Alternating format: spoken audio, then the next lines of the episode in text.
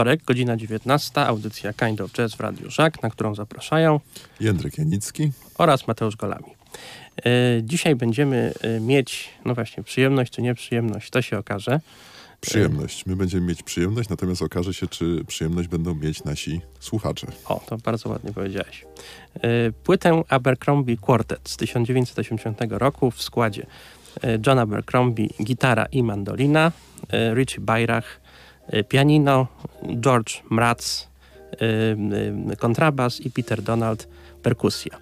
Ale zanim przejdziemy do omawiania tej płyty, powiemy parę słów o zespole Cykada. Tak, tak. No, za dużo tych słów o zespole Cykada e, nie powiemy, no to, bo wychodzimy z założenia, że muzyka najlepiej broni się sama, chociaż tutaj jakby sam w ten sposób podkopuje e, naszą e, pozycję mówienia w ogóle w jakikolwiek sposób o muzyce jazzowej. Natomiast zespół Cykada to jest ciekawa sprawa, bo wydany przez polski label Astigmatic Records.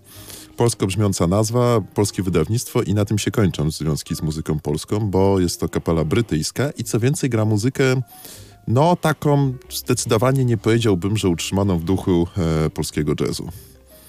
Tak, tak, to, to prawda. Jest y, taka muzyka eklektyczna, prawda, na przecięciu wielu gatunków. Dużo elektroniki, dużo ambientu, jakiś nawet metal, jakby techno. Tak, tak, takie, takie fusion, nie? Po takie prostu. fusion mhm. Y, ale mam wrażenie, że może trochę tych pomysłów za dużo, ale to może niech nasi słuchacze się sami przekonają. Tak, też mi się tak być może wydaje. sobie zdanie. Tak, ale być może to jest lepszy pomysł, żebyśmy zagrali utwór Fallacy z ostatniej płyty, z tego roku, z 2023 zespołu Cykada. No, będzie się dużo działo. To co, słuchamy? Słuchamy.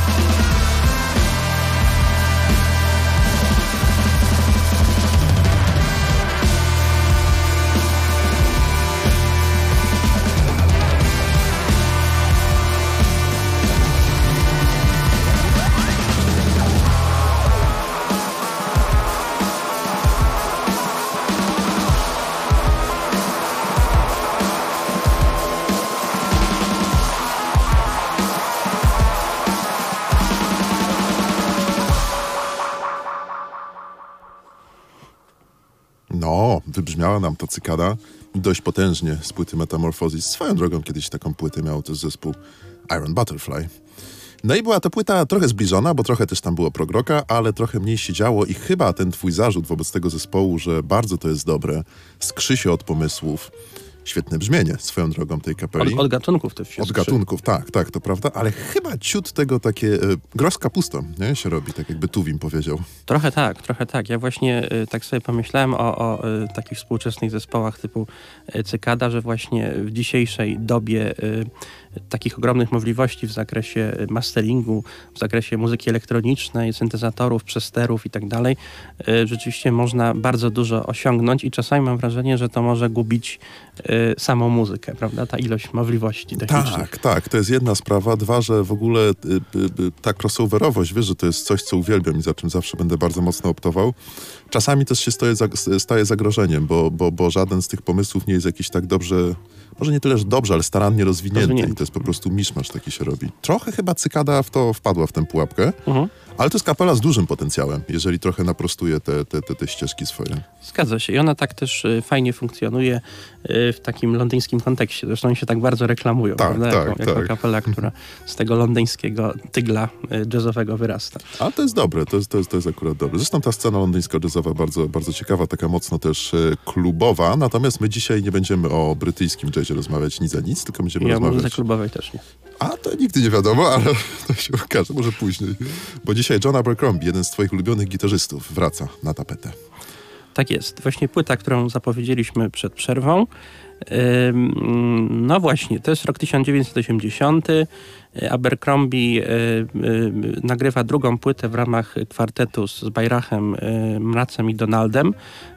Kwartetu, który w ogóle w dużej mierze go ukształtował, jak on twierdzi, był dla niego bardzo ważnym doświadczeniem. No właśnie, może na razie się też nie, nie rozgadujmy na temat y, szczegółów tej płyty. Posłuchajmy może, niech przemówi tak sama szybko? muzyka. Tak myślisz, że tak szybko? Tak to, to, to po, pozwolisz, że jeszcze zanim, zanim, e, zanim coś zagramy, możesz tak tylko delikatnie zasugerować, który utwór masz na myśli, żeby tutaj nasi, nasi słuchacze się e, zastanowili. Polski, polski tytuł to będzie Błąkanie się. Polski tytuł Błąkanie się, no tak, pięknie. Czyli Stray, e, Zgadza się, to ja tylko dodam, że to jest jedna z trzech płyt, którą on nagrał w tym kwartecie. E, to jest tuż po płycie Arcade i przed płytą M bodajże. I tak myślisz, żeby zilustrować, co tutaj się będzie działo, to to Stray? No właśnie tak myślę, żeby, żeby posłuchać, a potem zastanowić się głębiej nad samą muzyką. No dobrze, to jeżeli wszyscy jesteśmy gotowi do wysłuchania utworu Stray, to z przyjemnością posłuchajmy.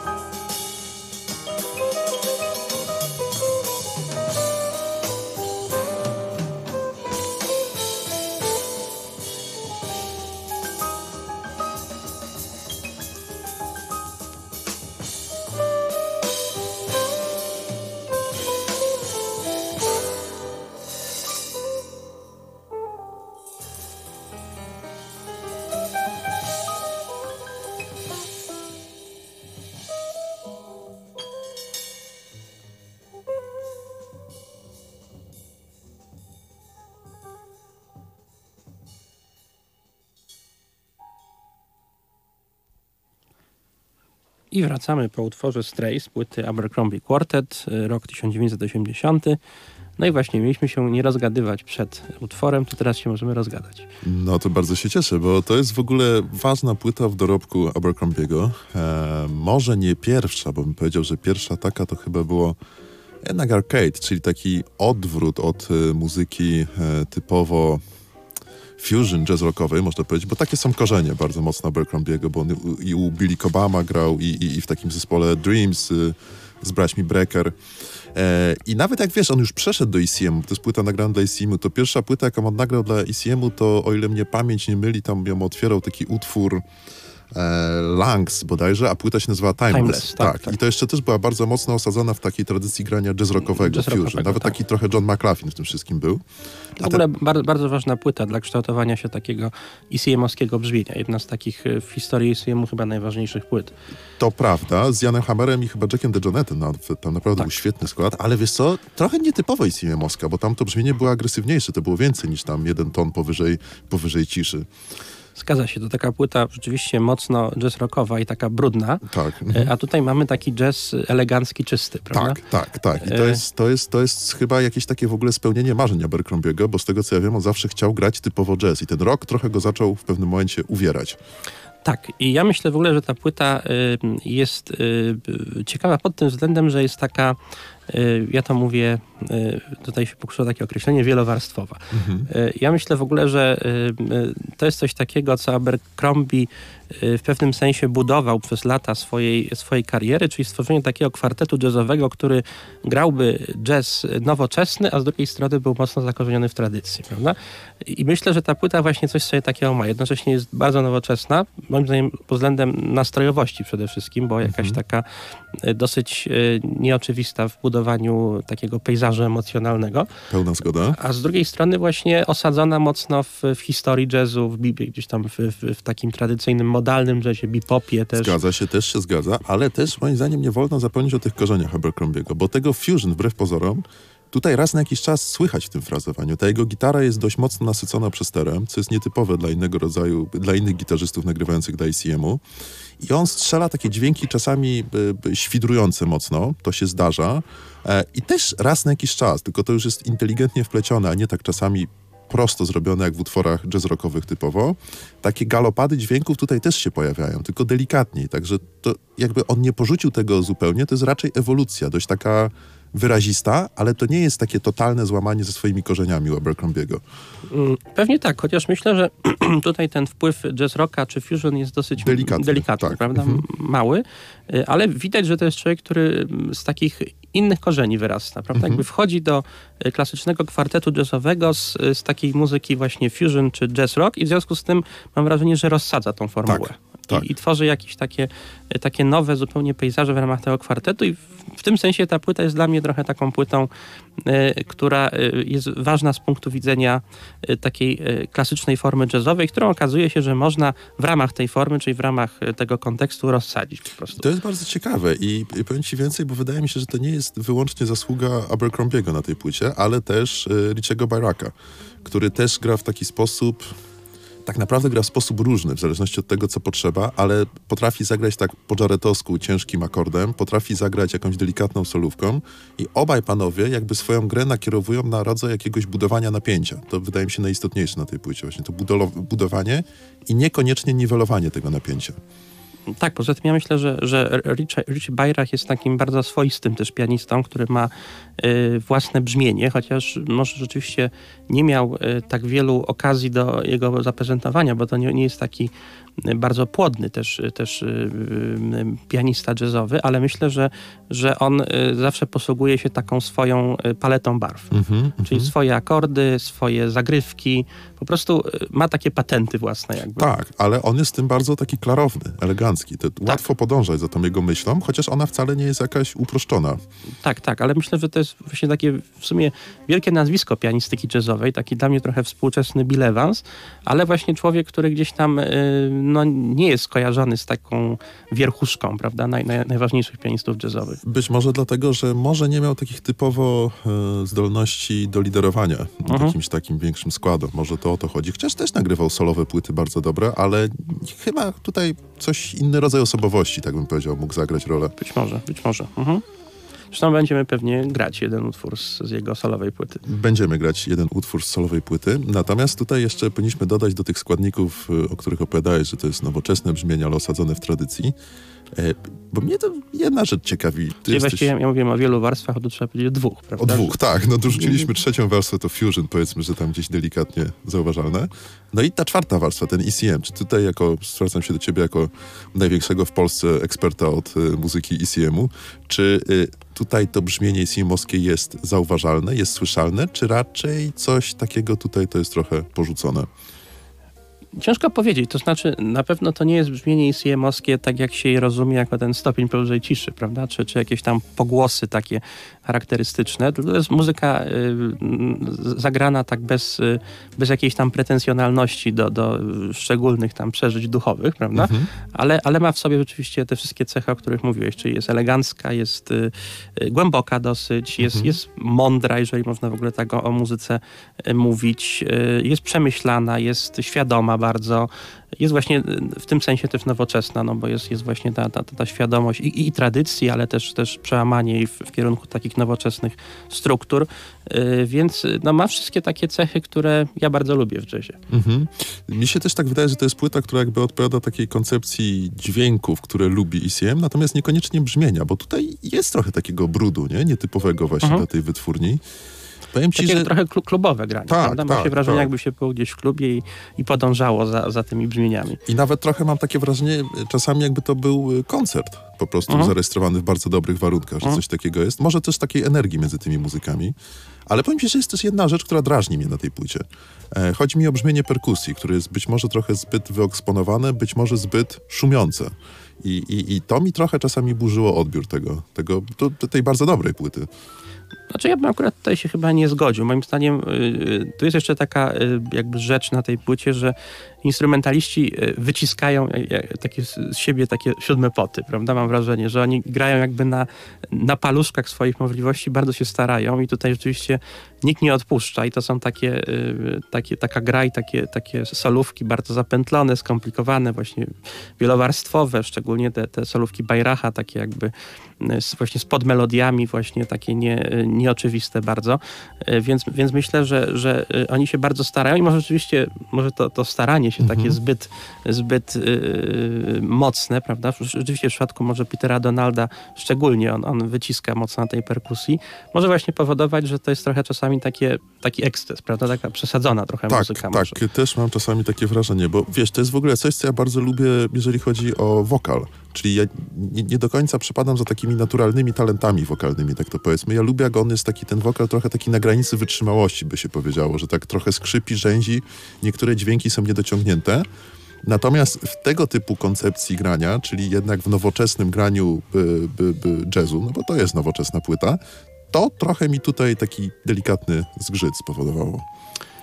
Pewnie tak jest, pewnie tak jest. Może y, w ogóle jest taka chęć trochę do popisywania się też y, tymi solówkami, z, y, szczególnie właśnie Bajrach, Abercrombie może mniej, ale właśnie Bajrach i Donald. Może oni mają taką tak, tak, skłonność trochę do, do takiego popisywania się i to może czasami trochę drażni. Szczególnie myślę na utworze Blue Wolf. Tam jest taka ta solówka Bajracha taka bardzo popisowa. Mhm. Jest, jest ciekawa, jest bardzo rozbudowana mhm. i taka jakby wielorodzajowa, bo ona się tak ma taki fragment bardziej romantyczny, taki mhm. bardziej mechaniczny, prawda? Jest, jest bardzo rozbudowana i ciekawa, ale trochę jest w niej za dużo takiego popisu chyba. Tak, tak, tak. Mi też chodziło to, to, to, to mówisz o tej drugiej części tego Blue Wolf. To jest tak. taki utwór, który robi, ta płyta ogólnie, ona nie robi tak ogromnego wrażenia za pierwszym odsłuchem, natomiast z każdym kolejnym robi, a z tym Blue Wolf jest odwrotnie. Nim się mhm. łatwo zauroczyć, ale dość szybko to uczucie do tego utworu przechodzi. To prawda, to prawda. Do tego nie będziemy go grać. No właśnie, bo jest to pewne nieoczywiste wybory. Więc może zagramy teraz kolejny utwór. Bardzo dobry pomysł. Y, Foolish Dog. Foolish Dog. Po prostu. Po prostu.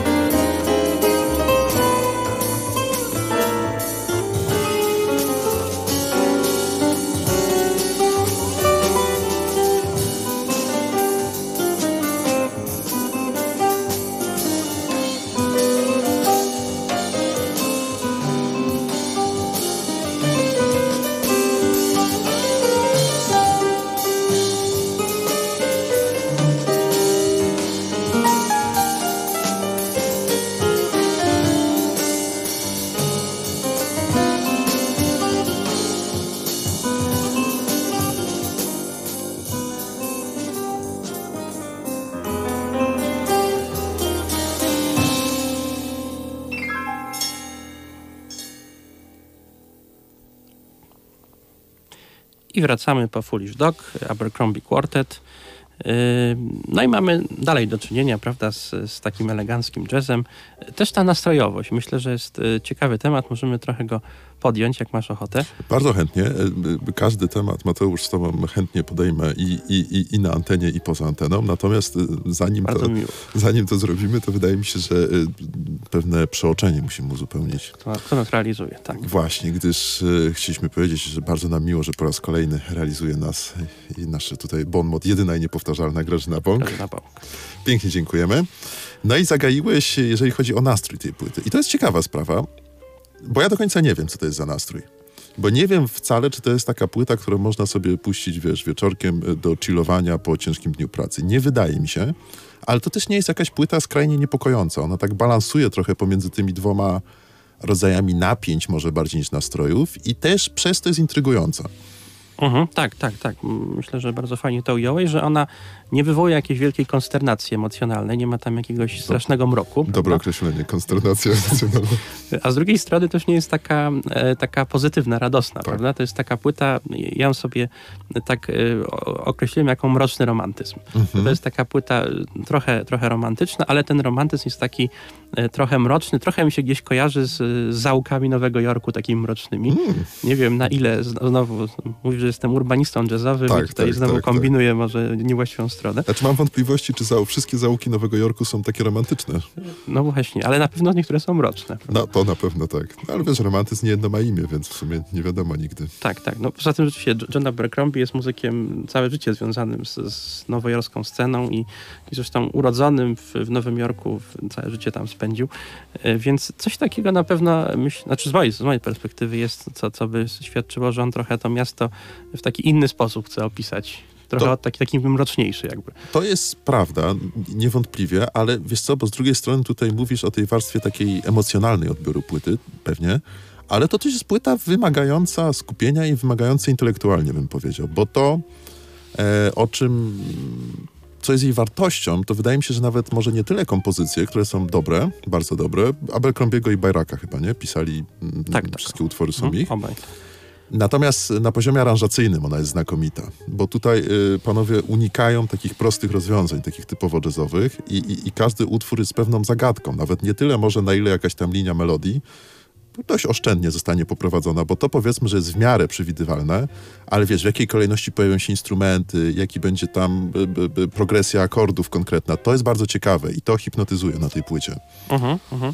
E, tak, i myślę, że rzeczywiście masz rację, że to może tą nastrojowość taką tworzyć, prawda? Że, że e, też, też myślę to, że te melodie, w ogóle są bardzo ciekawe tematy na tej płycie, myślę. One są takie nieoczywiste bardzo, to są skomplikowane w sumie tematy, mhm. trudne, prawda? Mhm. Ale też takie w związku z tym wywołujące dosyć nieoczywiste emocje, bo, bo, bo, bo też, też mające taką dziwną strukturę często i też często y, y, jest dużo dysonansów, mam wrażenie, mhm. na, tej, na tej płycie. Ona sobie jakoś tam biegnie, biegnie i nagle jest jakieś takie mroczniejsze przełamanie, prawda, jakiś dysonans i potem, potem ona wraca jakby do tej swojej pierwotnej struktury, więc y, w tym sensie jest bardzo nowoczesna, myślę. Wiesz, i, i to jest dość duża umiejętność, bo pomimo braku jakichś takich, powiedziałbym, efekciarskich rozwiązań z poziomu brzmienia, czy, czy, czy wiesz, skrajnie dziwnych melodii, no bo tego tutaj nie ma na tej płycie, ona jest taka, że wciąga, po prostu wciąga. E, jest, jest, jest doskonale skonstruowana i to jest, to, to jest moim zdaniem rzadkość w graniu jazzu, w graniu w ogóle muzyki, bo zazwyczaj uh-huh. coś wciągającego ma trochę tandety w sobie, nie? A tutaj uh-huh. kompletnie tego nie ma.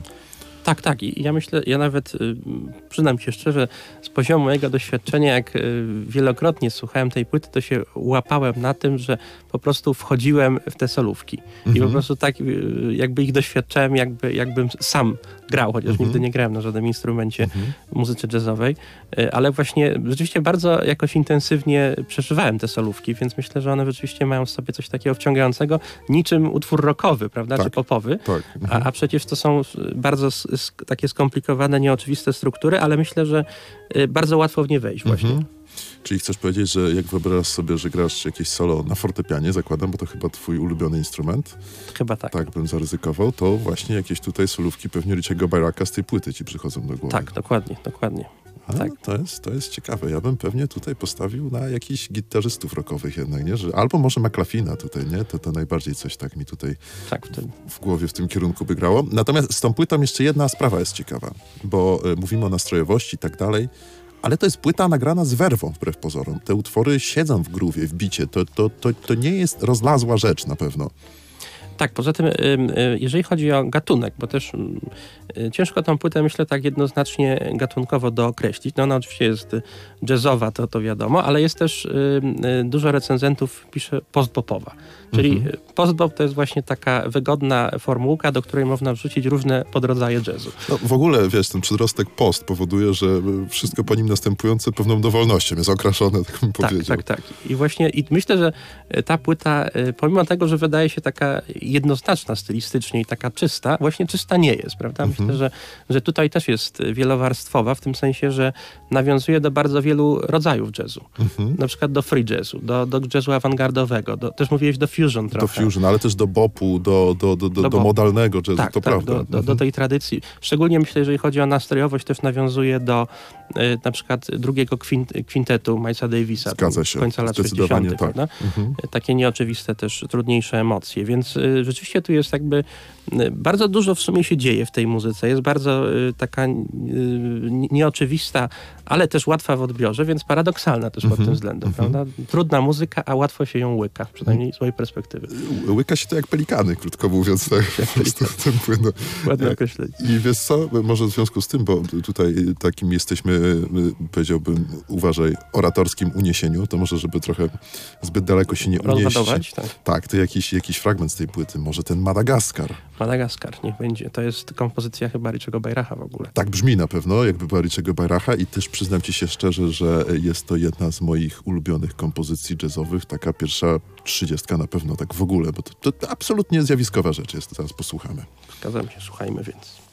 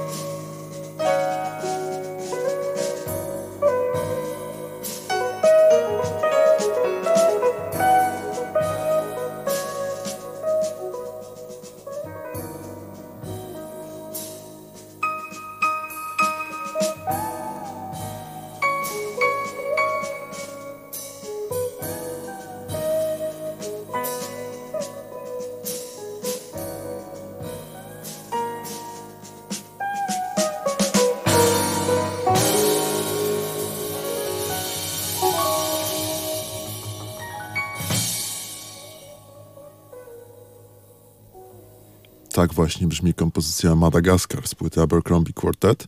I trochę taki utwór, y, celowo gramy go pod koniec naszego dzisiejszego spotkania, bo wydaje mi się, że w nim się ogniskują te wszystkie tropy z tej płyty, o których opowiadaliśmy, że taki najpełniejsze przedstawienie tego kwartetu Abercrombiego, dla mnie być może nawet to jest ten Madagaskar.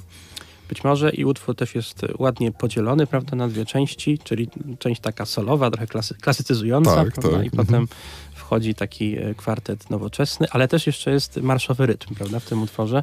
Tak, E, tak, Taki tak. jakby Mhm. nawiązujący do tych dawnych marszów wojskowych w Stanach Zjednoczonych. może, To jest y, które- prawda, ale tu wiesz, mówiliśmy też, że na tej płycie ten taki groovowy, bitowy wręcz wymiar trochę, trochę, trochę jest wyraźny tutaj to jest. Powiem ci jeszcze ciekawostkę, bo wspomniałeś około 45 minut temu, podejrzewam, że Abercrombie gra tutaj na gitarze i na mandolinie. I tak gwoli ścisłości to nawet nie jest typowo mandolina, tylko to jest gitara imitująca mandolinę, bo to jest o krótszej skali, 3 czwarte bodajże i strojona e, oktawę wyżej, o ile mnie pamięć nie myli. Więc to wiesz, w zasadzie chwyty łapał tak jak na e, gitarze, natomiast no, to, to było to mandolinowe brzmienie, które chyba bardziej słychać na tej poprzedniej płycie kwartetu. To jest bardziej gitarowe nagranie. Mm, tak, tak, tak, to, to, to prawda. Tutaj jest więcej gitary, ta mandolina się chyba w Foolish Dog głównie pojawia. Tak, tak. Mhm. Y, ale rzeczywiście też, też wprowadza taki, taką ciekawą, nową kolorystykę do tej płyty. I wiesz, bo chciałem się ciebie zapytać, dlaczego y, by akurat tę płytę wybrałeś z tych trzech? Bo ona jest chyba przez tak krytykę krytyków jazzowych najsłabiej oceniana z tych trzech nagrań e, Abercrombiego z kwartetem. Y, tak, to prawda. Ona rzeczywiście y, zebrała słabe recenzje, też, też do tego dotarłem, ale y, nie rozumiem dlaczego, nie umiem No tego właśnie, powiedzieć. Bo właśnie. dla mnie właśnie Mhm. z tych trzech płyt jest najlepsza. Mi się też najbardziej podoba. I to chyba ze względu na kompozycje najmniej oczywiste, nie? I sposób ich przearanżowania jakiś. Tak, myślę właśnie, że ona kompozycyjnie jest najbardziej oryginalna z, z tych trzech. Y, Ma też ładną okładkę, to mogło O, to zadecydować. prawda? to prawda. Abstrakcyjną okładkę. Świetna, świetna ta okładka. René Magrita mi trochę przypomina, nie wiem czemu. E, niektóre z pomysłu, bo nawet nie chodzi o styl, a raczej pomysły Magrita, ale A świetna jest po okładka. prostu proste zdjęcie. Tak, tak, jest tak. Pusty pokój, w którym jest sztaluga Mhm. y, i ktoś tam pewnie chciałby na, ty, na tej sztaludze coś namalować. Mhm. Ale rzeczywiście ma klimat jakiegoś takiego poczucia braku obecności, mam wrażenie, nie? Coś takiego. To jedna, myślę, że abstrakcji też Tak, pewnej. też, że, tak, że to jest tak. właśnie też ciekawe w tej, tej muzyce, że ona, y, to kiedyś chyba o Taunerze tak mówiliśmy, o Batiku, że, że ona przez, przez to może, że właśnie wywołuje takie y, dosyć nie, niedookreślone emocje, a bardzo ciekawe myślę, to ma sobie coś takiego abstrakcyjnego. A zresztą Abercrombie, by, by nie przez przypadek tu Taunera chyba przywołujesz, nagrał z nim kiedyś w 76 bodajże bardzo ciekawą gitarowy duet y, Sargasso Sea. Sargasso Sea, tak, a po- potem nagrał Five Years Later, pięć lat później. Tak, to prawda, jak się łatwo domyślić po tytule. Natomiast to Sargasso Sea było przełamaniem, wyjściem trochę z y, tej takiej jazz rockowej już y, konwencji, ale jeszcze chyba nie wejściem w typowo jazz, bo ta muzyka była taka bardzo na granicy nie, różnych gatunków. Nie tak mocno jazzowa jak ten kwartet. To prawda, to w ogóle też bardzo ciekawy okres właśnie współpraca y, Abercrombiego z Taunerem i to też taka muzyka y, bardzo nastrojowa, ale bardziej ciążąca w stronę takiej y, skandynawskiej melancholii, bym powiedział. Tak, tak, to jest też takie ładne, neutralne Chociaż grana, określenie. grana przez Amerykanów. Też ładne, neutralne określenie skandynawska melancholia, tak, to prawda. E, wiesz co, my powoli dzisiaj się będziemy żegnać, natomiast mamy dwie sprawy do przypomnienia, bo za tydzień mamy gościa. Mamy gościa, Stasia Aleksandrowicza. Tak, perkusistę Stasia Aleksandrowicza. Nie dotarł do nas dwa tygodnie temu z przyczyn losowych, ale mam nadzieję, że już jest wszystko ok i za tydzień sobie pogadamy o jego muzyce. No o czym sobie pogadamy, to się okaże tak naprawdę, bo to nigdy nie wiadomo. No i co, panie Mateuszu, my się chyba powoli, powolutku żegnamy. Tak, i na koniec będziemy grać utwór y, Richego Bayracha. Na koniec będziemy grać utwór Richiego Bajracha, natomiast na koniec też powiemy, że zaraz po nas, jak to się ładnie mówi w, zawsze w każdym e, stacji radiowej, nie odchodźcie od odbiorników, tak? Bo już po nas e, audycja Złote Lata Muzyki Rozrywkowej e, Pawła, Rębasza. Pawła Rębasza. No i dobre rzeczy będą. Węgierskiego roka trochę będzie Skorpio i naprawdę fajny klimat. A my na zakończenie gramy Richiego Bajracha. Jaki utwór? Y, Elm z płyty Elm z roku 1979. To też chyba w trio było, nie? To było w trio, Richie Bayrach, y, Jan Hammer bym strzelał. nie, George Mraz chyba na y, I Jack the kontrabasie Jonet. i Tak, Jack the Jonet tak, tak, bez klawisz. A dlaczego ten utwór akurat wybrałeś? No bo to jest wielki klasyk. To, jest jest, wielki klasyk. to jest wielki klasyk i to jest y, w ogóle utwór, który jest uważany za taki standard jazzowy, nowoczesny, jeden z, z takich chyba na, jeden z najbardziej nowoczesnych standardów jazzowych, można powiedzieć. E, I właśnie też często przerabiany. Na YouTubie można mnóstwo wersji tego utworu, granego przez młodzież jazzową posłuchać. A najciężej znaleźć na YouTubie wersję oryginalną, co ciekawe. To tak, prawda. tak, w tak. ogóle jej nie ma nawet. Tak, tak, no to też jest fakt. E, Fajny, też taki trochę jakby wyznaczający ten kierunek minimalu, nie? Później to, to, to, to jest naprawdę dobra rzecz. Tak, ten. ale myślę pod względem nastrojowości bardzo podobny do tej płyty. Mhm. No to posłuchajmy jednego z bohaterów płyty Abercrombie Quartet. I nie będzie to John Abercrombie, tylko Richie Byrak z jego solowej e, płyty Elm, a żegnają się z wami Mateusz Golami. i Jędryk Janicki. Do usłyszenia za tydzień.